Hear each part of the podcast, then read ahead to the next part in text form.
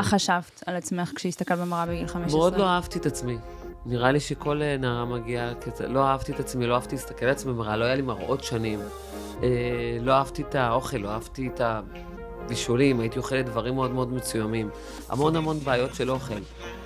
תמיד אה, סיפרתי שהיה לי מקרר משלי, וכבר לא הייתי נוגעת באוכל של ההורים שלי, לא היה מעניין אותי. ובצעירותי, תמיד אחת הארוחות הייתי יושבת וכולם אוכלים ואני לא, ואני לא אשכח את זה שאבא שלי הפך אה, קערת אה, מרק על הראש מרוב העצבים, מרוב תסכול. יואו. כולם- זוכרים את הסיפור הזה אצלי.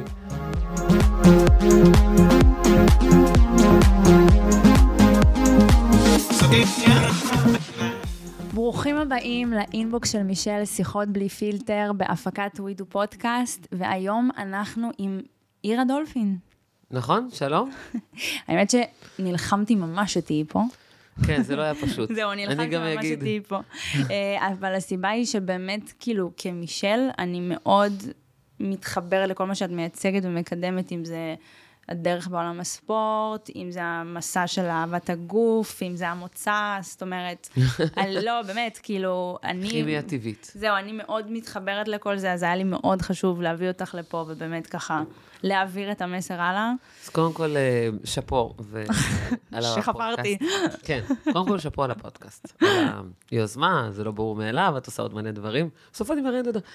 ודבר שני, אה, כן, זאת אומרת, לאחרונה החלטתי כמה שפחות כאילו לנתק אה, דברים שלא קשירים אולי, נראה לי מהסיבות הדי אה, מובנות. כן, אה, בסדר, זה מה שנקרא מדבר בשפה שלי, כן. והתכנים שאת אה, רוצה להעביר גם יעבירו מסר שלי, אז ברור, הכל טוב. ברור, איזה כיף. ובאמת, אני רוצה שנעביר את כל זה, ואני רוצה שנייה להתחיל מההתחלה. היום את ממש גורו כושר בין הבולטות בישראל, במיוחד עבור נשים. נכון, אני מתמחה בתחום של נשים, התמחות של זהו. גם אימוני סטודיו, גם אימוני עם אה, נשים לפני הריון, אחרי הריון. זהו, את מומחית לכושר פחות מעניין, ותזונה. נכון, פחות מעניין אה, אולי את הקהל שלנו, אבל אני גם פליז, מומחית אל ל... תתעניינו בזה כרגע. בדיוק. ואני גם לאחרונה, בעל כורחים, מומחית לאימוני כושר של נשים כן. שרוצות להיכנס להיריון ולא מצליחות. אתם עוד לא שם, אבל אה, זה וואחד התמחות. נכון, זה וואחד נכון. התמחות, אז אה, מה שנקרא, אה, עד לפני שנתיים לא האמנתי שום גבר. זה, זה הרמות, זאת אומרת, וואו. הסטודיו היה ורוד, היה לי סטודיו נכון. שנקרא פינקו, תכף את ועכשיו תציגי. יש לך את One Rebel. נכון, אני שכחתי. להגיד, את מומחית נכון. לכושר ותזונה, אה, בעלת הסטודיו One Rebel, ואת משפיענית כמובן בתחום הספורט ודימוי גוף והכושר חיובי. ותזונה, נכון. אז כשהיה לי את הפינקו אה, כן. במשך שמונה שנים, אז הוא היה ורוד. הסטודיו היה ורוד, המכשירים הורודים, הבנות שהיו מסיימות אימון היו ורודות. כן, חברה שלי. התאמנה אצלך, את יודעת את זה? כן, זה היה מצחיק, היה לי תקופה שהייתי הולכת בדיזינגוף כזה, והייתי אומרת, זאת, זאת, זאת, זה היה מאוד נחמד.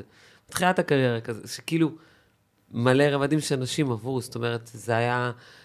אה, כששואלים אותי מה אני עושה, זאת אומרת, הייתי מחברת בין קהילות, מה זה אומר? היו בנות להתאמן, והיו מתחברות על רקע של ספורט. זאת אומרת, לא היה להם שום, אה, כמו שחיבור ביניהם, ואז היו מפסיקות להתאמן, אבל היו ממשיכות להיות חברות. מלא חבויות. ספורט מחבר ברמות. מטורף, אז עשיתי קהילות כאלה, כאילו פינקרום כבר לא שרד אחרי הקורונה, אבל נשים שרדו, ועדיין הן כותבות לי, זה סטודיו שלא יחזור, אמרו לי, אין, אנחנו לא מוצאים את עצמנו אחרי זה. כאילו, תפתחי. אני לא שמעתי על סטודיו לנשים, חוץ מזה.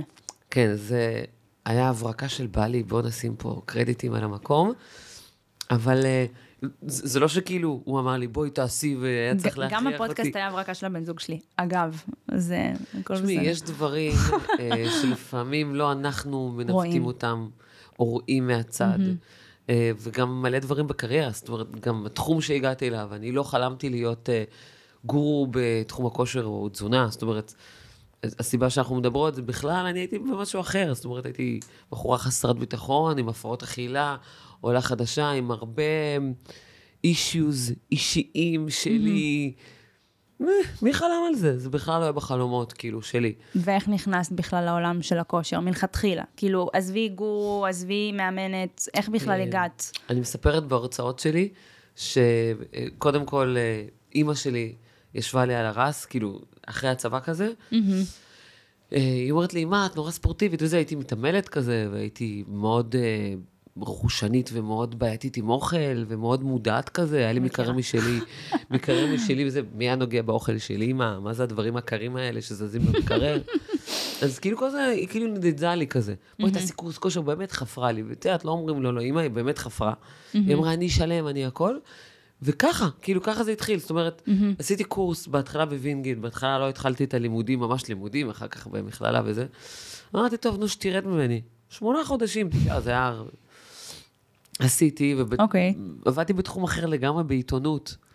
הייתי באמת? ניצה עיתונאית, הייתי ברמנית, סלקטורית, מלצרית. ו- בעיתונאות? כן, הייתי מפיקה את מדור. הספורט בידיעות אחרונות. די. אבל אז הנה, את גם שם לאחרונה מישהי בספורט. שאלה אותי, שאלה קצת גזענית, אני לא אגיד מי זאת, תוך- עיתונאית דווקא, אמרה, מה זה, אבל איך רוסיה יכולה להיות עיתונאית? כי כאילו כתבתי. כן, כן. אז הייתי עיתונאית, עבדתי מאוד קשה, גם היה לי מדור אה, רכילות ספורט כזה בידיעות תל אביב, זאת אומרת, לידיעות היה אה, מוסף של תל אביב, כמו שהיה מוסף של מודיעין, ירושלים, שהייתי כותבת בו תקופה. איזה קטע, אני לא ידעתי את זה. כן, שלוש שנים, הנה, מגלים עליי הרבה דברים. אבל. הנה, את כל הזמן כאילו בספורט, כן. כל הזמן בספורט. אז כאילו- עשיתי את הקורס, שאמא שלי, זה ממש לא התכוונתי להיות מאמנת, באותה תקופה גם עבדתי בטיים-אאוט, בעיתונות. והייתי דוגמנית, הייתי דוגמנית, לא זוכרת, בקרין מודלס אצל אופי רפאלי. אופי רפאלי, היה לו את... אה, אה, לא היה לי את מודלס, היה לו את קרין מודלס, שזה כאילו כמו היום... אה, איזה קטע. כמו יולי. כן, כמו כמו יולי. יולי היום, כמו כן. יולי. עופר רפאלי, הוא היה... אה, אריק בן... הם היו המלכים, כאילו, של... ש- של של אז. כן. אוקיי. כאילו, סבבה. אלינור אה... הייתה הבוקרית שלו. הבנתי. אלינור אוקיי. התחילה אצלו, אני הייתי אצלה. איזה קטע. כן, ככה זה היה. אני לא ידעתי. דוגמנית, ואז כאילו סיימתי את הקורס, ולא היה סטודיו עם אז בכלל, לא היה. כאילו, היו חדרי כושר. אבל. זהו. לא היה סטודיו, לא היה דבר כזה סטודיו, מאמן, לידר, מנטור, לא היה. סיימתי את הקורס, אה, הייתי חבר של פאולינה, נטלי, קצת דוגמניות וזה, והתחלתי לאמן אותם, סתם כדי לנסות פרקטיקה, ליישם. ליישם, לחלוטין. אה, אז הייתי עושה את זה בימי שישי, בפארק, סביב עצים, בדשא כזה. וואי, מכלום התחלת, מכלום, כאילו. מכלום, ברור ממש. ש... נכון, לא חשבתי על זה, מכלום, כן. ממש. אז ימי שישי התחילו להתמלא, כי שאר השבוע עבדתי בעיתון. ואז מה קרה? ואז אה, נהיה קצת לחץ כזה, עוד- לא היה רשת חברתית, לא היה רשת. נכון. עשר שנים אחורה, בדיוק. תשע. בין עשר זה לא לתשע כזה הרבה, שנים אחורה. אירה. לא, זה, כן. לא, זה לא כזה הרבה ב... כאילו, בטיים לימיט של תשע שנים, כן, שהתחלת אולי, כן. מכלום, ואיפה אבל את ככה- עכשיו? כן, בדיוק לפני עשר שנים, תשע. בדיוק. אה, כמעט, עשר כמעט שלושים, עשר ותשע, כן. ואיפה מגיעה ההבנה של, טוב, אני הופכת את זה לדבר העיקרי, אין. עיתון, אין כלום. אה, בהתחלה הורדתי משמרת אחת, ביקשתי ממנו, באתי לבוס, אמרתי לו, אני רוצה לעבוד יום שני חצי יום, ואז הייתי סוחבת את הציוד, כאילו, לשם מחליפה בגדים, הייתי מאמנת אותם גם, אה, נגיד, הייתי עושה את המשמרת מ-6 עד 8, ואז יום אחד באה ההבנה, שאני לא רוצה לעשות את זה, מין פחד גדול, אני רוצה לפתוח סטודיו משלי. וזה היה בין הראשונים בכללי, הסטודיואים שנפתחו. זה היה ממש די בהתחלה, לא היו סטודיו, לא, לא היה את כל הדבר הזה שרואים היום. כן, כל עכשיו אחד זה- בסטודיו, שכל מי שבעצם מסיים אה, להיות מאמן רוצה לפתוח סטודיו. לא מבין בכלל מה הוא רוצה, זה החלום. זה לא החלום, אבל זה מה שהוא רוצה. אמ, ככה זה התחיל. זהו, אז מ-0 ל-100. זהו, אז גם בדיוק דיברת על זה שיש המון עכשיו סטודיואים. המון, זה נפתח כמו פטריות זהו, אחרי הגשם. עכשיו טק, זה- טק, טק, טק, טק. אני נכון. פתחתי, זה פרץ, זה התפרץ ברמה שכמובן אני לא יכלתי ולא חלמתי וזה. הפתיחה שעשיתי, אני זוכרת, אה, הגיעו, אה, היה הוד בידור. וואו. אני זוכרת את זה, אבל כאילו הייתי היה. עוד בידור, היה להם תוכנית אה, עם ירדן הראל וליאון. יואו, אני זוכרת את זה, אני לא זוכרת את השם, אבל אני זוכרת את זה. היה אוקיי. להם תוכנית, זה היה מטורף. הם באו, הם סיקרו. ואז אה, זה היה כאילו היה ישראל מטורף. בידור, זה היה כמו ישראל כן. בידור היום, אוקיי. לא היה ישראל בידור. לא, לא היה ישראל בידור, אבל זה היה כאילו, אם להשוות את ממש זה... לא היה ישראל כי בידור. לא נראה לי שמי מאמין? שצופה אפילו יודע שהיה כזה. כאילו, זה כזה סוג של שווה בשווה להיום לישראל. בידור וכאלה הם פלטפורמות. באו והם סיקרו, היה שם מלא סלבס. קודם כל, הסטודיו היה מאוד ממותג. כאילו, גם אם לא היית מתייג כשאתה בתוך הפינק רום, רואים, הכתוביות, הזה, כאילו, גם אחר כך אה, קמו הכוורות. מלא חיקויים. זהו, את הצלחת להישאר חיקויים. מאוד רלוונטית ולהיות בפסגה. כאילו, מה כן. הטיפ ל... כי. מאמן, מאמני כושר יש המון, במיוחד, וגם מלא. חיקויים, וגם זה. ש... כמו שיש עושות ציפורניים מלא ומלא עורכי דין, מאמני כושר יש ימבה, ימבה. כאילו כל מי שרוצה להבין קצת את הגוף שלו, הוא הולך ללמוד בווינגייט את הקורס הזה. לא, אולי אחר כך לא עושה קורסים של תזונה, הוא קצת מתמקצע, אבל יש מלא. אז מה אז- הסוד אז- שלך בעצם? אז באמת, אה. לא כולם באמת ממשיכים את הדרך הזאת. אני, מההתחלה אני זוכרת שאמרתי שאני רוצה להיות הכי טובה, כזה מין כזו קשוחה, הכי טובה, הכי מקצועית, וגם בידלתי את עצמי מאחרים. זאת אומרת, היה לי תוצאות, היה לי סטודיו של נשים, גברים לא יכלו להיכנס, לא משנה כמה כסף הציעו לי. אה, הסטודיו הוורוד, האימונים היו קשים, האימונים היו צילמים, זאת אומרת, הפריצה הייתה בכמה מישורים. אוקיי. אני חושבת שאולי כך אפשר לגדל את זה. גם אנשים היו, הסטודיו במרכז תל אביב, הראשון, הבייבי הראשון נפטר באמצע דיזינגוף. וואו, כאילו חדשות מרעישות. כולם ידעו, כולם שמעו, כולם רצו לעלות לרגל, אני לא השתלטתי על זה בכלל. זאת אומרת, תוך שנה זה הכפיל את עצמו ופתחתי עוד אחד, ואחר כך תוך שנה פתחתי עוד אחד. וואו. זה אני מטורף. כאילו, שנים אחר כך, כאילו רק לפני איזה שנתיים, שלוש, הצלחתי לאבד את מה שעשיתי. אני מדברת על זה מלא בפודקאסטים ובהרצאות. כי, כי, כי כשחושבים על זה, עיר הדולפין, יש רק אחת. כאילו, אני לא יכולה למנות עוד שמות אה, יותר מדי של מאמני כושר, בטח שלא נשים. אז אני אגיד לך, אני אגיד לך, דווקא התחום הזה של כושר ומאמנות טובות, שולק רק אנשים. יש כמה לידריות מאוד מאוד חזקות שמובילות את התחום כן. הזה, סוחבות את זה על הכתפיים. לא תראי גברים. אחדות אבל. אחדות, כן. זה אה, ויש ברמת כף יד אחת. אה, יש תחרות, זאת אומרת, מעולה שיש תחרות. זה מדרבן. יש, כל אחד מאוד מאוד שונה, כן. מאוד מאוד מאוד, זה, זה מדהים גם. איך אף אחת לא דורכת על אצבעות של אף אחת. זה מהמם.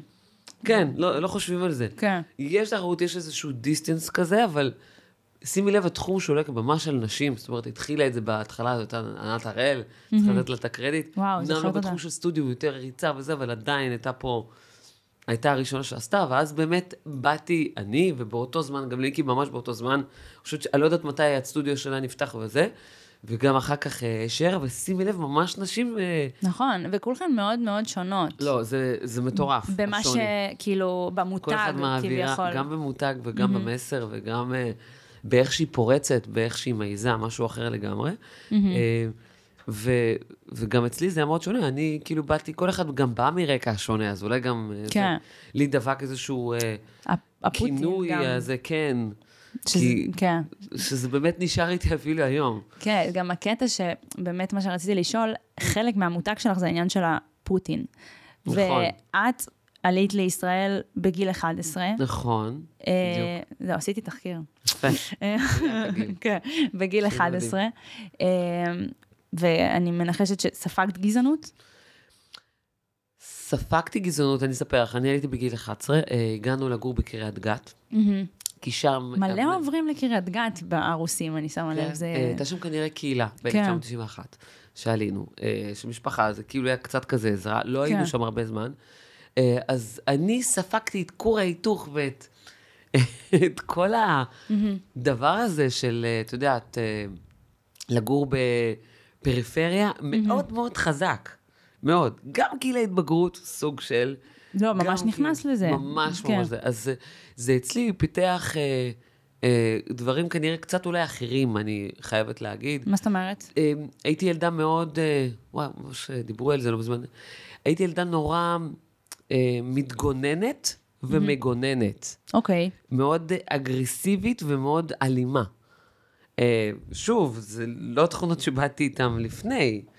אימא שלי הייתה, אה, ההורים שלי הם בעלי תואר שני, דוקטורט, אימא שלי הייתה ממוקד לעלייה ל- לרגל ברוסיה בכל מה שקשור לספרות וספרנות. מאוד קלאסי. מאוד קלאסי. אנשים עמדו בתור כשיש להם אה, עבודות להגיש וזה, זה לא זה.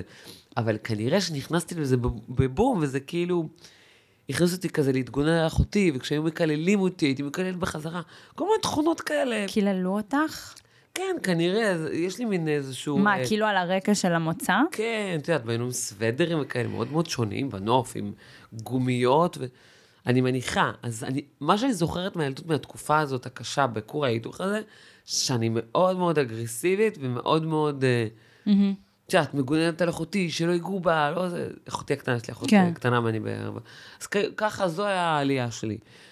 כמובן שעם הזמן, גם מאוד מאוד מהר היה צריך לתפוס את התפקיד האחות הגדולה, כי אם כן. הייתה צריכה לעבוד, כאילו, מלא מלא דברים חדשים, במלא מאוד זמן, אף אחד לא מכין אותך מראש, אף אחד לא מלמד אותך. אה, אני זוכרת שחודשיים הראשונים לא הוצאתי מילה, לא הייתי מוכן לדבר, מילה לא הוצאתי, מילה. לא שתקת? מילה. שתקתי, שתיקה. לא משנה. איפה?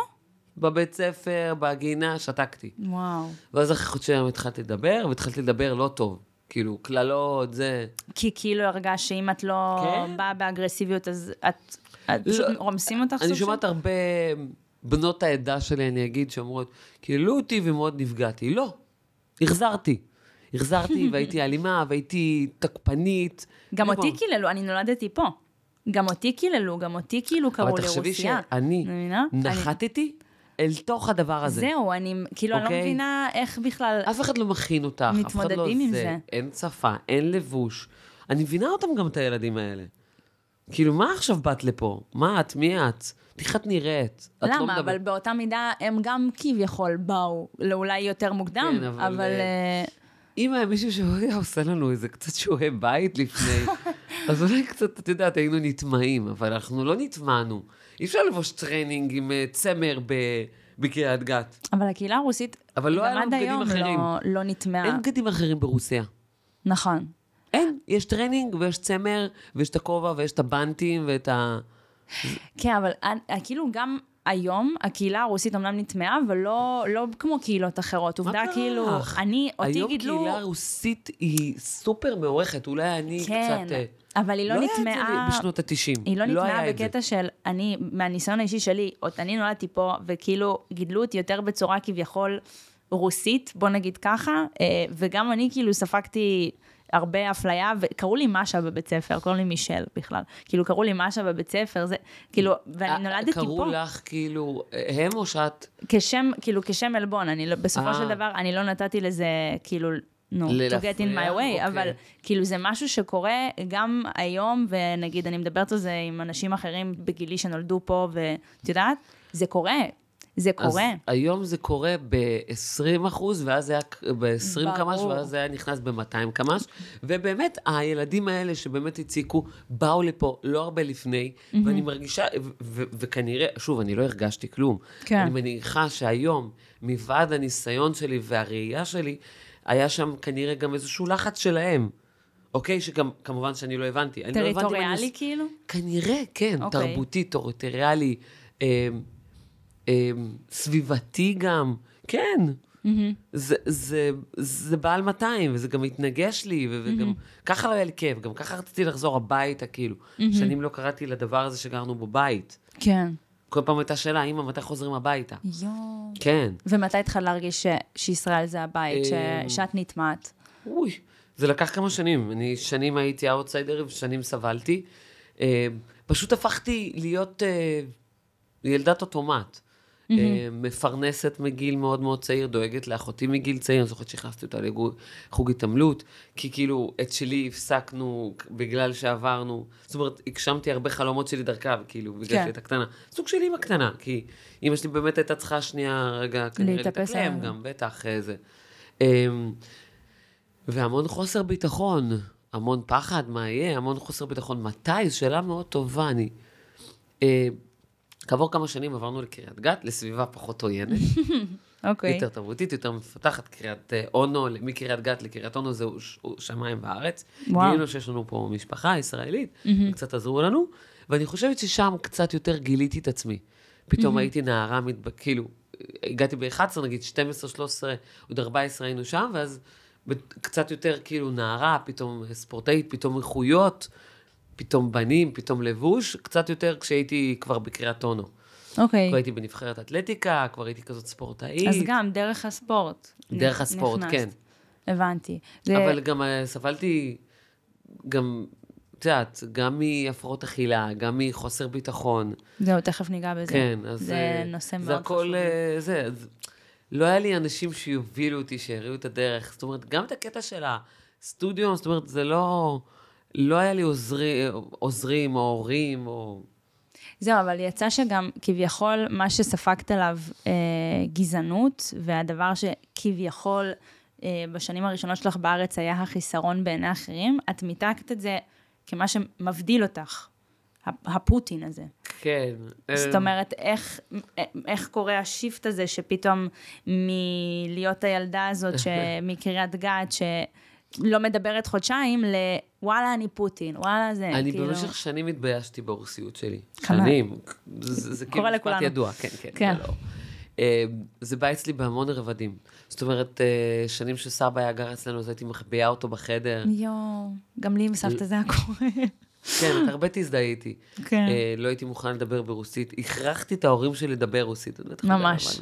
אני צעקתי על אימא שלי בגיל 12, למה את כזאת רוסייה? אני בגללך כזאת רוסייה. היום אני נורא מצטערת על זה, כי הילדים שלי לא... תחשבי, הילדים שלי לא מדברים רוסית. הם לא? לא.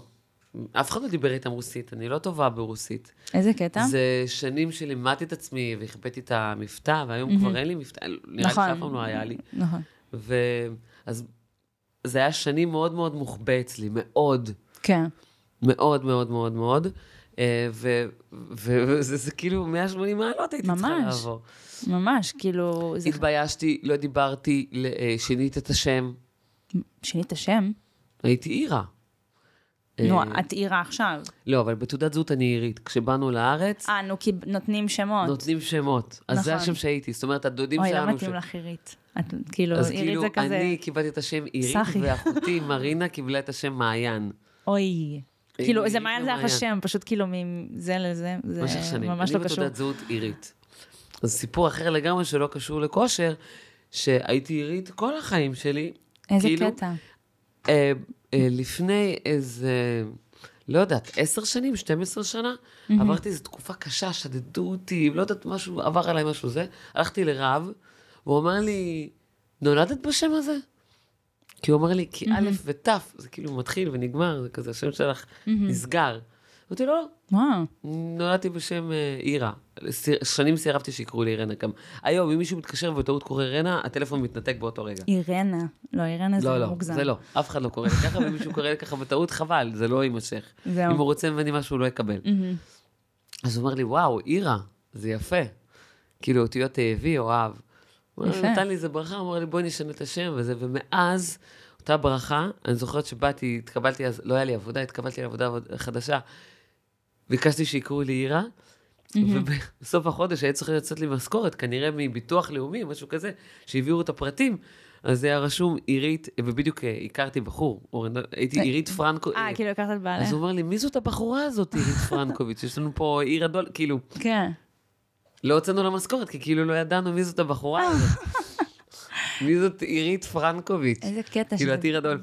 180 מעלות.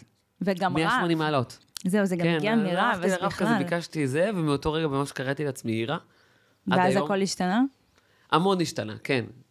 היום את כאילו במקום מאוד גאה. היום את כאילו תשמעי, ממש אונינית. לא, אף אחד לא קורא לי עירית. זה היה לפני 15 שנה. עירית, אני לא, כאילו, אני מסתכלת עלייך, איך עירית? לי אולי עירית, אנשים מעטים מאוד. אה, לא יודעת, זה, זה כמו שלאימא שלי קראו אלונה, והיא כאילו ילנה. זה כאילו, זה כזה, כן, קראו לה לא, אלון, אלונית, אלונה, זה כזה, משהו כזה. זה גם, כאילו לכולם, אורית, סבטלנה, זה, זה תמיד היה אז, אה, אז כעבור שנים באמת חזרתי למקורות, כמו שאמרתי לך, עירה, ואז גם באמת היה מאוד יותר קל לקרוא לי פוטין. אגב, זה שם שהמתאמנות המציאו לי. אה, זה לא... לא, לא, לא, לא. ופשוט הלכת עם זה? ברור, הלכתי עם זה, כן. אני ממש זוכרת, הישרדות, בת, חפשתי לפוטין, פוטין, זה... לא, ו... אז זה כבר היה מאוד מאוד מוטמע, זה היה בשיא. זהו, אז זה כבר היה מוטמע. לא הייתי צריכה לשווק את זה. נכון, אני גם זוכרת, כאילו ידעתי מי את לפני הישרדות. אה, חברה שלי התאמנה אצלך, ואז עוד חברה שלי התאמנה אצלך, ואז עוד חברה שלי התאמנה אצלך. כן, זה נהיה מין כת אה, כזאת. כן, ואז גם פתאום היה את הישרדות, אה, בתקופה שעוד צפיתי בזה. תוכנית מאכזבת עכשיו. ואיך קוראים לזה? ואז באמת בת, והיה כאילו, וזה בדיוק היה תקופה שאני עברתי את כל ה... כאילו, משה ולא מישל. אה, וואי, וואי. ואז היה כאילו את פוטין, ואני כזה, וואלה, אוקיי, כאילו... זה לא חייב uh, להיות משהו שצריך להתבייש בו, הנה, כאילו היא באה ועושה את זה כן, על, אז על זה מאוד מאוד מאוד תפס, וגם uh, היו הרבה מאמנות שאחר כך הפכו להיות פוטיניות, באמת. באמת? היו, היו, היו מדווחים לי, ממש ככה. אומרים לי, תשמעי, זה, היא קוראת לעצמה פוטין, פוטין הקטנה, אחות של... ממש, זה בדיוק מהפרצוף שעשיתי, הרבה כזה. יואו. אז uh, המיתוג דבק, ואז פתאום יצאה רוסיות uh, כזה, זה כאילו פתאום עזר לי בתחום של הכושר מאוד, וכמובן זרמתי עם זה, למה לא? לא, אבל זה, זה פשוט ה-180 מעלות, העובדה שאת כן, במקום כן, שלם. זה כעבור שנים. זהו, כעבור שנים. בהתחלה, כמו שאמרתי לך, בא השם, נכון. השינוי ואז- הגדול מעירית לעירה, שפתאום מאוד מאוד אה, תפס וכזה, פתאום התחלתי לאהוב את השם הזה. כאילו, אמרתי לך, כבר אף אחד לא קרא לי עירית, וכעבור שנים באמת, כן. שהשתניתי, וכאילו, החיים פתאום התהפכו לחלוטין, עם העסק, עם הפרסום וזה, אף אחד לא קורא לי עירית. איזה קטע. אה, וכאילו, כן, זה זרם כזה, זה תפס. זה מהמם. ופתאום, כאילו, עכשיו שהבת שלי כאילו מתאמנת, והיא והיא מתעצבנת, אומרת לי, אירה, אימא, אבל כאילו, אירה. לא, אירה, איך לא, כאילו, לא לימדת אותי רוסית, ואני לא מבינה מה המאמנת אומרת, ואני מתה לדעת, לפעמים הן כזה מדברות עליי. אני תמיד? אה, חושבת אם אה, להעביר את זה הלאה לילדים שלי או לא. ואז מרוב, ש... מרוב שבילדות הייתי כועסת על אימא שלי, שלא- שמדברת איתי. רוסית, אז כאילו, היא כנראה מהלחץ דיברה עם הנכדים שלה רק בעברית. את יודעת, מהלחץ. זהו. אז אצלי גם אבא שלי, כאילו כל פעם שאני מדברת איתו עברית, הוא אומר, לא, לא, אני לא מבין. כאילו בשביל שאני אשמור על השפה. כאילו, די, נו. בכוונה, הוא בכוונה עושה את זה. היום אני מה זה מודה לו. את יודעת כמה בשנה האחרונה עשיתי אודישנים לרוסיות? לרוסיות, נטו. כאילו שהיה צריך לדעת רוסית פרופר. סתם. וואו. אני מבינה, אז אני כאילו? נופלת פה. אז את כאילו, אז אני כי הרבה פעמים כעסתי עליו. רוצים שההרצאה תהיה ברוסית, ואני אומרת, סורי, אני, אני, כאילו, זה גם לעמוד על קהל, אני בקושי מעבירה את ההרצאה הזאת בעברית, יש לי המון הרצאות על תזונה ועל כושר ועל טיפים וכאלה לנוער, מלא. והרבה פעמים מתקשרים, אומרים, את יכולה להעביר את ההרצאה ברוסית, ואני אני לא מסוגלת, זה כאילו, זה לא ילך. יכולה להגיד כמה מילים בודדות, לא הרצאה של שעה. כן, כאילו, וזה- לא, תשמעי, אני גם לא אעביר בחיים הרצאה ברוסית, אל תגזימי, כאילו, כן? לא, ואת אה, עושה אודישן לרוסיות, אז... זה- כן, אבל בואי, אני, אני חושבת עדיין מה אני אומרת ברוסית, זה לא כמו עברית או אנגלית, זה לא אז אותו אני דבר. ממש איבדתי שם. כי באסה. הכרחתי אותם לדבר איתי כן. עברית, הכרחתי אותם, כי נורא רציתי להיות ישראלית. איך אני שמחה שהם לא נתנו שלי. לי. איך אני שמחה שהם לא נתנו לי להפסיק לדבר איתם, כאילו ממש אז כעסתי עליהם. היה- אי אפשר היה לשכנע אותי, אי אפשר היה לדבר איתי. אי לא. רוצה, לא רוצה, אל דברו איתי. לא קיימת. ילדה מרדנית, קשוחה, רעה, באמת. לכי תתעסקי איתי. באמת. והם כנראה ויתרו, באמת דיברו עברית, ובאמת אני נטמעתי, ובאמת, כאילו, המבטא, הכל נעלם. הפכתי להיות צברית ישראלית לחלוטין. יואו. עבדתי מאוד קשה בזה. משהו שממש רציתי. אז מי שכעבור שנים זה משהו שלא... שכבר לא זה, אבל מאוד רציתי את זה. ויש דברים שאתה רואה משם, שאתה לא רואה מפה עכשיו, אין מה לעשות. כן. אני כבר לא יכולה להחזיר את הגלגל אחורה, כי המון מילים אני כבר לא זוכרת. איזה קטע. כן. אבל האמת, אני כן מבינה, אבל לדבר, אבוד. אבוד. לפחות זה להבין. שנים... כן, זה לפחות שנים. להבין. לפחות ואחר להבין. כך באה אנגלית, ובית ספר ותיכון. זה... ואז אתה מאבד את זה. לא, אני מאבד גם זה. איבדתי אתה כבר מאבד חלק שפה. מהשפה. גם אני אתה איבדתי מאבד חלק. שפה, ומגיע ילד, ואתה מאבד את זה, והיום אני חווה את זה דרך הילדה שלי, שלפעמים אני יושבת איתה, ובאפליקציה מתרגמת לה מילים לרוסית. יואו, איזה באסה. מטורף, מטורף. איזה באסה. אבל האמת, כאילו, אוקיי, אז פה, לצערנו, הגלגל לאחור את לא מצליחה להחזיר, אבל נכון. עכשיו אני רוצה לגעת במשהו שכן הצלח להחזיר את הגלגל לאחור, וואה, ביג טיים. ביג טיים. שזה באמת אה, משהו שקראת לו בשם לא מזמן, אה, שהיה לך אנורקסיה כן, סבלתי בהפרעות. אכילה, לא הייתי קוראת לזה בחיים אנורקסיה, כאילו, אפילו עד היום. זהו, אני משתמשת ראיתי... במילה הזאת. את לא? כי לא. ראיתי איזשהו... שכתב- אני כתבו, אני לא- לא אה, זה לא את? אוקיי. לא הפרעות אכילה, לדבר. אני אוקיי. דיברתי על הפרעות אכילה, אה, ושנים גם לא דיברתי עליהם, כי כאילו, הדבר היחיד שהצליח באמת לגעת ולפתוח לי את הפצע הזה, שלפני איזה שנתיים, בדיוק כשהוצאתי עם זה, שהילדה שלי באה ושאלה אותי משהו על הגוף שלה. כאילו. על ה... כן. אני האמת גם רציתי לשאול על זה, כאילו, הבת, שני הילדים שלך הם ספורטאים במשרה מלאה, אבל הבת שלך נכון. בהתעמלות אומנותית. כאילו, הבת שלה... זה קושי. ממש קשה עם זה לאחרונה, עם הדבר הזה. אני, לא היא. בסדר. אמ, היא עוד קטנה. היא עוד קטנה, ולפני איזה שנתיים היה לה כל מיני שאלות על הגוף שלה, על הרגליים. בת כמה היא?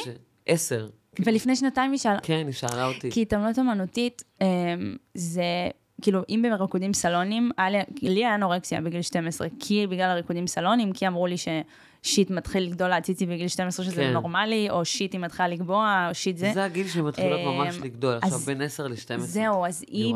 בתחום שעוד יותר גרוע לא, מריקודים. זה הכי גרוע. סליחה, בוא נשים את זה הכי גרוע, זה הכי בעל דימוי גוף נמוך שיש כאילו, עכשיו תיוולד לעוסקים בו.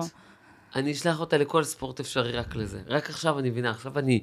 זהו. היא נמצאת בשלב שאני... אני, אנחנו כבר עמוק...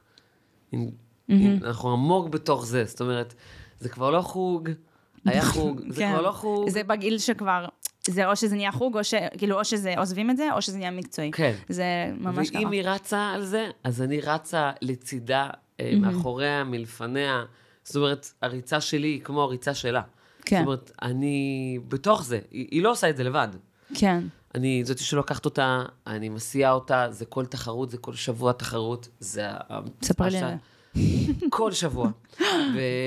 וההשקעה הכספית, כמובן שזה אנחנו. כן. אה, ולדאוג שהיא תאכל, ותישן, ותיסע לחו"ל, ותחזור, ולתמוך בה נפשית ומנטלית, זה, זה, זה אני. אבל זה אני. איך היא לא... אז לי זה קשה. זהו, אבל איך לא, היא לא הפכה ל...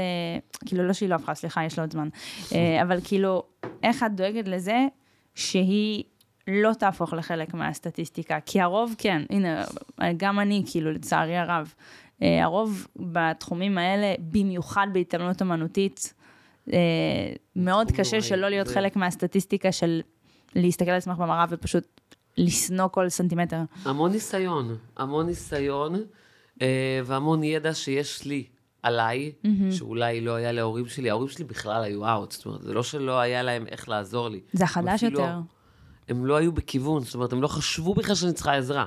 גם ברגעים שהכי צעקתי עזרה, שוב, אני לא מאשימה רגע, את ההורים שלי בשום דבר. ברור. שלא יישמע לרגע שאני כאילו כן. כועסת, וזה באמת היה נוראי, ו- ובאמת, זו מחלה נוראית. אבל לא היה להם איך לעזור לי, לא היה להם את הכלים. אז לי יש את כל הכלים. מה את היופי. חווית? כאילו, כי היום, אני חוויתי את זה זהו. בתור נערה צעירה, זאת אומרת, גם אה, מטען רגשי מאוד מאוד גדול, גם חוסר ביטחון מאוד גדול. אה, גם אתה מרגיש שאתה מאוד לבד, מאיפה כל הדבר הזה צץ? פתאום, שאתה מרגיש לא טוב עם עצמך, ואתה חושב שאתה יכול לשפר את זה בדרכים אה, לא הגיוניות. איזה דרכים, אם אפשר שאתה לשאול? תרזה, שאתה לא תאכל, אה, שאתה תהיה יותר מאושר אה, אם תראה אחרת, אולי ישימו לב אליך.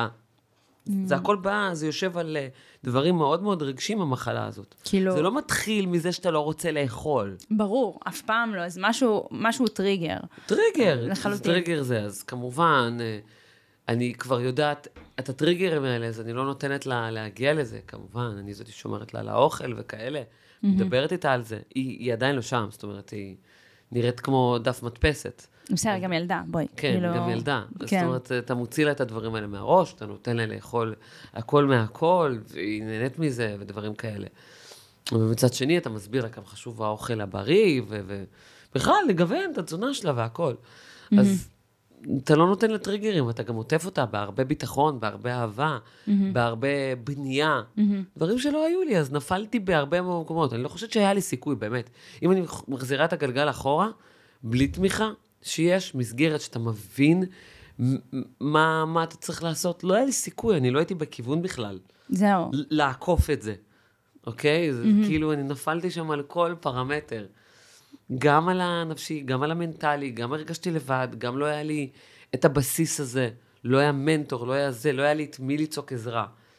ופשוט היה. כאילו, הפסקת? הפסקת ל- כאילו. לאכול? אני... היום שאני מסתכלת על התמונות, יש לי תמונות נוראיות. את העלית, את ספורט. עשית אה, פוסט, אני זוכרת שאמרת כן. שזה התחיל בגיל 15 ורק בגיל 32 הסתכלת במראה ואמרת, כן. וואלה, אני כן, אוהבת. כי זה היה 15, בגיל 18, אה, אתה קצת אה, מתעודד, זאת אומרת, היו שנים, שנים, זאת אומרת, זה, אתה נופל וקם, נופל וקם. אה, בגיל 18-19 כבר קיבלתי המון עזרה והמון הבנה, וגם הספורט מאוד עזר לי, התחלתי ללמוד את זה, אז זה, זה היה מאוד עזרה. בגיל 15 אתה מרגיש אבוד, כי את נערה ו... את לא, אין את המרכזים ו- ופסיכולוגים ו- וטיפול תרופתי, אין את זה. מה חשבת על עצמך כשהסתכלת במראה בגיל 15? מאוד לא אהבתי את עצמי. נראה לי שכל אה, נערה מגיעה לא אהבתי את עצמי, לא אהבתי להסתכל על עצמי במראה, לא היה לי מראות שנים.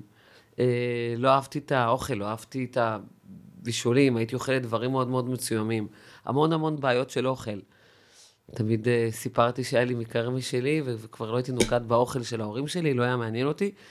ובצעירותי, uh, תמיד uh, אחת הארוחות, הייתי יושבת וכולם אוכלים ואני לא, ואני לא אשכח את זה שאבא שלי. הפך uh, קערת מרק על הראש מרוב העצבים, מרוב תסכול. יואו. כולם, זוכרים את הסיפור הזה אצלי. שאולי גם קצת כזה קצת העיר אותי. מתסכול, אתה יודע, כאילו, די, בחייאת. אבל מזל ששמו לב אצלך. כאילו, כן. בסופו של דבר, כי אצלי נגיד לא שמו לב, כי ההורים שלי, אני בת יחידה, אז אין לי מי שיהיה בבית, ההורים שלי כאילו עבדו עד מאוחר בתקופה הזו. פשוט הייתי בנבחרת ישראל בריקודים סלונים, וואי, וכל זה שנה ממלאים אה, בתחילת השנה שאלון כזה פסיכולוגי, הפסיכולוגיה של הנבחרת נותנת כזה, באמת? ומילאתי את כל מה שלא נכון בתחום של האוכל. פשוט לא ידעתי את זה, לא ידעתי בכלל שזה לא בסדר. כאילו פשוט, אה, אה, איך קוראים לזה? אה, הושיבו אותי בחדר עם אימא שלי, עם המאמנת שלי ועם הפסיכולוגיה של הנבחרת, ואמרו, תקשיבי, יש לך אנורקסיה, את כאילו, פסיכולוגית זה זה. את עוד פיזית לא שם, אבל פסיכולוגית זה זה. וזה פשוט היה סשנים, זה היה ממש סשנים של להוציא אותי מהמחלה הזאת. אני בכלל לא ידעתי שיש לי את זה, אני כאילו לא, אני חשבתי, אוקיי, אני פשוט מקטינה את עצמי, כי הבן זוג שלי נמוך ממני, וכי פתאום התחלתי לגדול וזה לא בסדר. כאילו כזה. אז לך, אה, ברוך השם, היה מישהו שהפך את הקערה, כמו שאמרת. לא, אבל הרבה גם, גם הפכת קערה, אבל עדיין לא עשיתי מזה שום דבר כמובן שנים. הפ, הפעמים הראשונות, הסימני אזהרה, היו כשהתחלתי ללמוד. כשהתחלתי ללמוד, כשהתחלתי להבין תזונה, hmm, כשאתה מתחיל ללמוד פיזיולוגיה, ו... שם באמת הדברים התחילו להבין. שאוכל זה דלק, זה בסדר. כי במשך שנים לא התייחסתי לזה ככה. איך התייחסת אני ב- לאוכל, כאילו, כאויב? גם, זה כאילו ברור מאליו. אני במשך שנים, כל מה שהראש שלי חשב, זה קיזוזים. אוי ואבוי על זה, ואוי ואבוי על זה. אוי. ופה יש 50, ופה יש 60, ואוי ואבוי, ו- ומדובר בשלד. זאת אומרת, לא היה לי כוחות להתאמן. זהו, הפוסט הזה שלט לאינסטגרם, זה מפחיד, זה מפחיד. כן, אז המון קיזוזים, המון מחשבה. זאת אומרת, אין, אה, אין חופש. אין ארוחה אחת שנאכלת שהיא בשקט, שהיא לצורך האוכל. וואו. זה ככה שנים אה, שלמות, אה, עד שבאמת התחלתי ללמוד ולאט לאט להבין. היה לי פחד מאוכל, זה כל מנה. נוראי. הייתי רואה, הייתי חושבת, הייתי מסתכלת, הייתי בודקת, חישובים. אה, בגלל זה לא קראתי למילה הזאת אנורקסיה, כי זה הפרעות אכילה ברמה שממש אה, חלק מהמזונות בכלל לא הייתי אוכלת, לא הייתי נוגעת, הייתי מה, אוסרת על עצמי. פחמימות כאילו? בעיקר מתוק. שנים אמרתי לעצמי, לא אוהבת, אני לא נוגעת. הייתי אומרת לזה, אני לא אטעם, כדי זה, לא פלאפל, לא בורקס, לא, כלום, כלום, כלום. וואו. דברים אה, ממש מניע, ממש... אה, זה משפיע עוד יותר גם. על המצב הפסיכולוגי שלך, שגם ככה, עם כל מה שסיפרת קודם, כאילו עם העלייה, עם ה... כן. זה, זה עוד יותר משפיע. וגם לא היה איזה מישהו שבאמת אה, בצורה מקצועית, זאת אומרת, מילאת שאלון, אז זה לא היה... זה. לא, זהו, כאילו, וכשהתחלתי ממש ללמוד מודעות. ולהבין, וקצת יותר אה, לחקור, התחלתי להבין שאני ממש... שיט. לא- שיט, כן, שיט, ביג שיט. אה, ואז גם אתה מבקש עזרה, פעם ראשונה, שנים, עבר... אה, איך ביקשת עזרה? ממי? אה, התחלתי טיפול. של כאילו נטו לטפל, אח, כן. של נטו לטפל בהפרעות אכילה. כן, כן, בהתחלה פסיכולוגית, אחר כך אה, תזונאית קלינית, ממש אה, עברתי טיפול. ואז, במוסדות אה, ממש זה. ו- ואז אתה עובר דרך, אתה מבין. זה שזה בסדר לבקש עזרה. שלוש, ארבע שנים, שזה בסדר לבקש עזרה. ממש ההודיה וההכרה באה אחר כך, רק אחרי שבאמת הייתי בהיריון ויש לי ילדים. וואו, והבנתי זה. זה המון זמן. המון, המון. זה המון זמן. בגלל זה היום אני מרגישה שאני, בשנים האחרונות, שאני אוכלת ואני נהנית, ואני לא סופרת קלוריות, ולא נשקלת כל דקה, דברים שהיו חלק מהזה. אני לא שוקלת את עצמי, כאילו, מאז אה, שפרשתי מהתחום, אני זה לא, אין לי מעניין, משקל. לא מעניין. זה גם לא באמת- משנה, שריר נכון. שוקל יותר משומן. לא לא מעניין. יודעים את זה. אתה כאילו תשקול יותר כנראה כשאתה במסת אצלי שריר. שקילה היה חלק בלתי נפרד מהיום שלי. לגמרי. אה, והיום אני מזהה את זה מקילומטרים. אני פוגשת בחורה, גם אם היא לא תרצה לספר לי על המשפט הראשון השני, אני כבר אדע אה, אם יש לה או אין לה. 90% מהאנשים יש להם הפרעות אכילה כאלה. באות אלייך מתאמנות? כאילו שאת מזהה? ברור, אני לא רק מזהה, הרבה אימהות מתכתבות איתי בפרטי, ואומרות לי, הבת שלי במוסד הזה. אתמול מישהי שאלה אותי, עירה, תמליצי לי על מוסד אה, הפרעות אכילה וכאלה. הרבה פעמים אני מרצה על זה, בטיקטוק אנחנו עושים כל מיני, mm-hmm. כשיש יום ה... יום האנורקסיה, יום ההפרעות אכילה, אנחנו עושים על זה, וגם בכנסת הרבה פעמים אני mm-hmm. ניגשת, ו, אה, כדי גם להרחיב על הנושא הזה, גם יותר בבית ספר, mm-hmm. להנגיש להם את זה. מי היה דיבר על זה בבית ספר? כי היום הפרעות אכילה מתחילות בגיל צעיר. הייתי הולכת עם בגדים ענקים, הייתי בטוחה שאני ענקית. אני זוכרת תמונות שלי במראה, הייתי אומרת, אני ענקית. הייתי הולכת אקסטרה לארג', הייתי כל כך רזה, לא רק מהספורט, ממש. מזה שגם רזה בטבעיות. כן, כאילו, מבנה גוף. מבנה גוף. גם את גבוהה, כאילו גם לי יש את הקטע הזה שאני נכון. מטר שבעים ושתיים, אז כאילו את אוטומטית מרגישה כאילו יותר גדולה. אני כאילו ממש כועסת על עצמי, איך מנעתי מעצמי בגיל הזה להיות כל כך בריאה וכל כך טובה ומאוד חיונית. ממש כועסת על עצמי, שנים כעסתי על עצמי. מה זה שטויות, כאילו באמת. אה, אז ברור שכאילו אני לא אתן לילדה שלי, וברור שאני מקדישה לזה המון. אה, ואחרי היציאה, כאילו כביכול מהארון, mm-hmm. כעבור המון המון שנים, גם עם הפוסט, גם להודות וגם לעזור לזה, אה, פתאום קלטתי שבתחום שלי של הכושר, יש המון צביעות. יש mm-hmm. המון, מה שנקרא, בגלל שאנשים רוצים לעשות יותר כסף, יותר, אז כאילו מראים את צד הספורט נורא...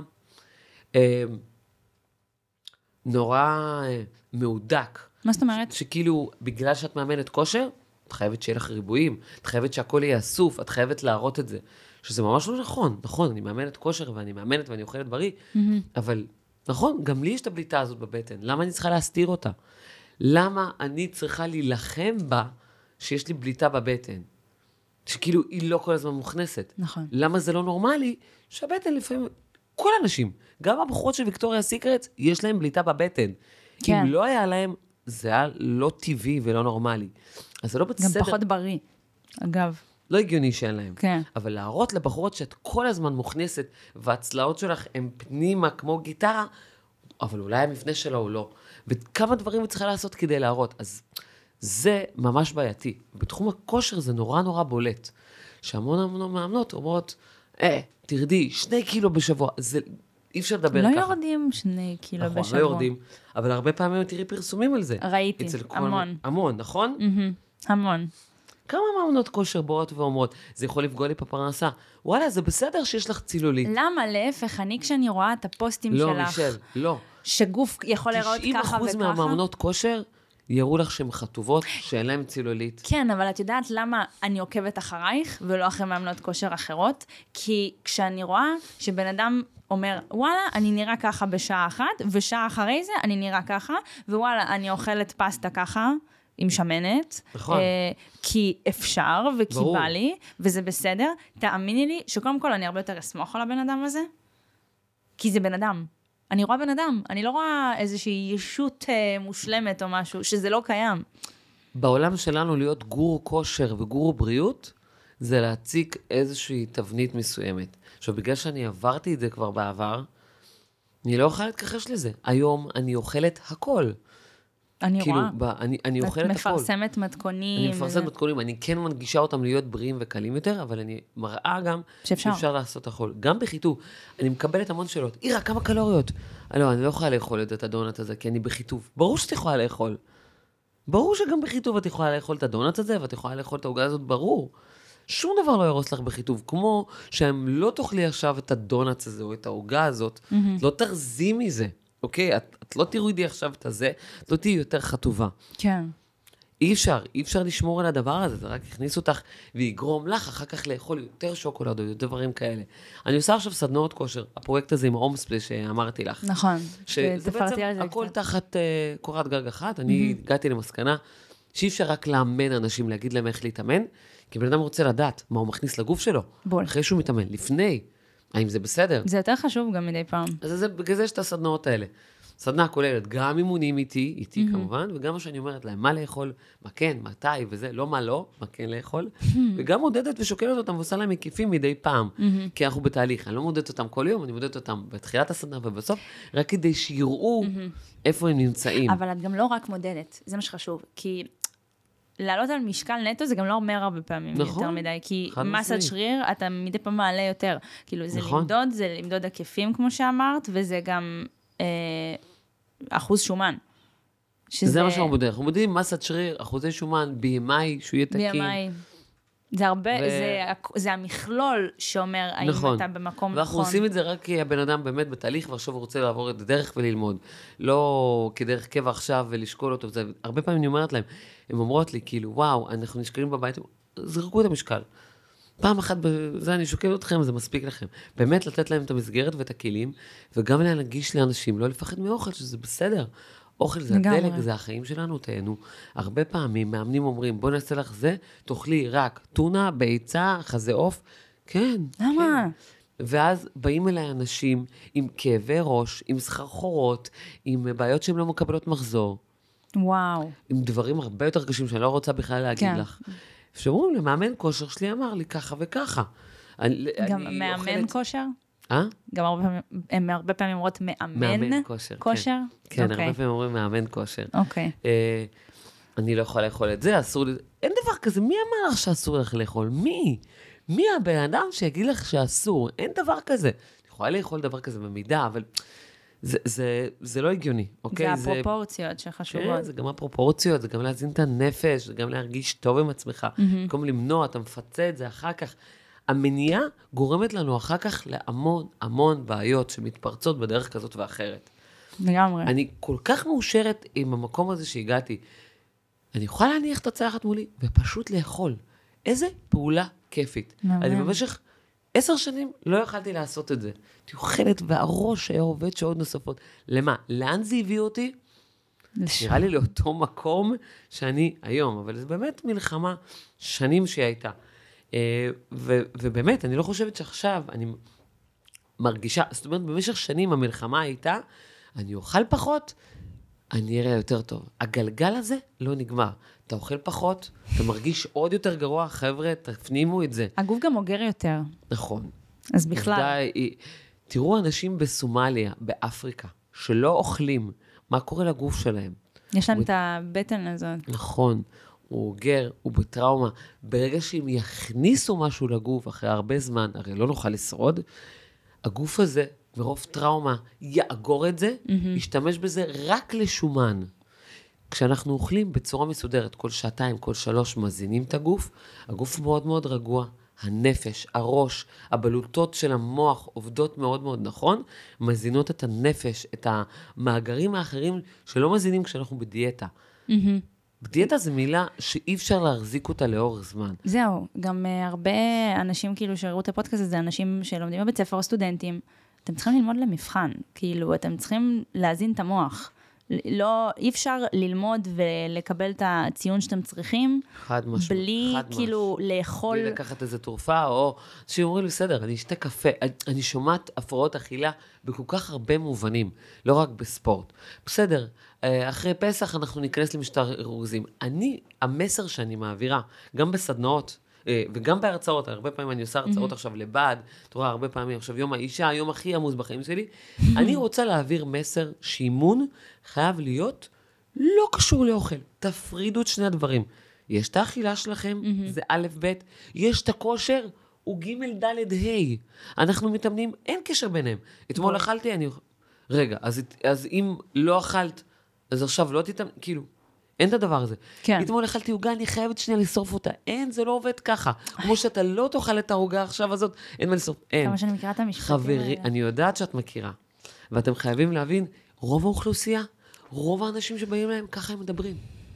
אני אפצה אחר כך באימון. לא. אין את הפיצוי הזה, אין את העונש, אין עונשים באוכל. מה זה צ'יט מיל? מה זה המילה הזאת צ'יט מיל? מי המציא אותה? למה שיהיה צ'יט באוכל? אלוהים! איך? עונש. אני אעניש את ה... אני... אה, לא, אה, עכשיו יש את הצ'יט מיל, ואני אצ'פר את עצמי בעוגה. מה זה תשפרי? יש עוגה, תאכלי. אין עוגה. כאילו, אין זה. אימון כושר עושה דברים לגוף שלנו, מבריא אותנו, מחזק אותנו, הוא אימון כושר. הוא לא קשור לאוכל. אנחנו מתאמנים מהסיבות שחשובות לנו. אני מתאמנת כי זה חשוב לי, כי זה בריא, כי זה מחזק, כי זה בונה מסת שריר, כי זה פסיכולוג, כי זה שורף קלוריות, זה בונה מסת שריר. אני לא מתאמנת כי אני צריכה אחר כך לאכול. תפרידו את זה. זאת כרגע המיין מטרה שלי. אני פה מצביעה עם הידיים מעל הראש. לא התקרה שאת צריכה. לעקוף. סוג של. כן, זה חייב להבין. לאחרונה אנשים מכניסים את זה ביחד. גם מאמני כושר, אנחנו עושים, אנחנו בונים. לא. אנחנו מתאמנים כי זה טוב לנו, אנחנו אוכלים כי זה בונה את הגוף, כי אי אפשר לחיות בלי אוכל, וזה הדבר שמענה אותם. אנחנו נרצה יום אחד, אבל מישהי אומרת לי, אתמול מישהי כתבה לי הודעה. עירה, הכנתי את ה... אמ, את המאפן בריאות שלך, הבריא, והוא היה כל כך טעים שאכלתי את כל המגש, והתכוונתי לשמור את זה לכל השבוע. כמה הרסתי לעצמי. וואו. קראתי את ההודעה הזאת ואני מתגרדת. גירודים, עכשיו תסתכלי עליהם מתחת לטייץ, כולי גירודים. אמרתי לה, כפרה, שזה היה הבעיות של החיים שלך. בול. הדונלד שאכלת. אכלת, נהנית, נקסט. איך את עדיין חושבת על זה? אולי הגוף שלך היה רעב, אולי הוא במחסור, הוא לא היה זקוק לדבר הזה. ממש. הי- הייתי אמורה לשמור את זה, כמה הרסתי? לא הרסת כלום. כמו שלא בנית ביום אחד, ככה לא הרסת ביום אחד. זה, הכי חשוב להבין. יום אחד הדעות. זה לא... חופשה לא תשנה את המבנה, כאילו, גוף מאלף לבית. וגם אם כן, כאילו, so be אז it. צריך כמה שיותר משמיעדים כאלה, כמה שיותר מאמנים כאלה. אולי, אה, כולם אומרים, בסדר, נו, לא כולם עיר הדולפין, אז את יכולה להתבטא ככה. לא, זה האג'נדות שלי. כאילו, זה יכול להרוס פרנסה וכאלה, זה לא ואז לא יהיה לנו נכון, זה עבודה. לא נכון. כאילו, את אה, מציגה עולם שבסוף למאמני כושר כאילו לא יהיה עבודה. כאילו, אנשים שיאכלו חופשי ויעשו ויתאמנו חופשי. אז שיאכלו את? הלב. הנה, גם אוכל. אז בדיוק, נכון. אז uh, אני מאמינה שאם אני לא מקדמת את הדברים שחשובים לי, לאורח חיים שלי ולדברים שעברתי, אז אני כאילו לא עשיתי כלום בעולם הזה של הכושר. כן. כשאני הולכת לישון ואני אומרת, אה, אין לי איזה מטרת על. כי מטרת על שלי זה לא לאמן ולפתוח עוד סטודיו, זה לא, זה לא, מה, ש, זה לא מה שמספק אותי. וכן, המטרות האלה חשובות, ואני מה זה שמחה שאת רואה את זה, זה מסרים חשובים. בגלל זה נלחמתי שתהיי פה. רוב ההרצאות שאני מעבירה, אנשים יושבים והם מופתעים, הם כאילו בשוק. שאני מציגה להם שלקופסת טונה ולפרוסת לחם עם נוטלה, יש את אותן קלוריות, 150 ו-150. ברור שלא כל יום אני אבחר את הפרוסת לחם עם נוטלה, אבל אפשר, אבל אפשר. זה כל עובדה, הקטע. אני אומרת, יש להם את אותה קלוריות, זה 150, זה קופסת טונה 140 וזה 150. אין הבדל, אוקיי? אני רק אומרת, אפשר. עכשיו, אנשים אומרים, יואו, כמה קלוריות אכלתי? לא, אכלתי את אותה קלוריות של קופסת טונה. פשוט רוב הימים. תאכלי את הטונה, נכון, ולפעמים שווה לך, תאכלי גם את הנוטלה, זה אותן קלוריות.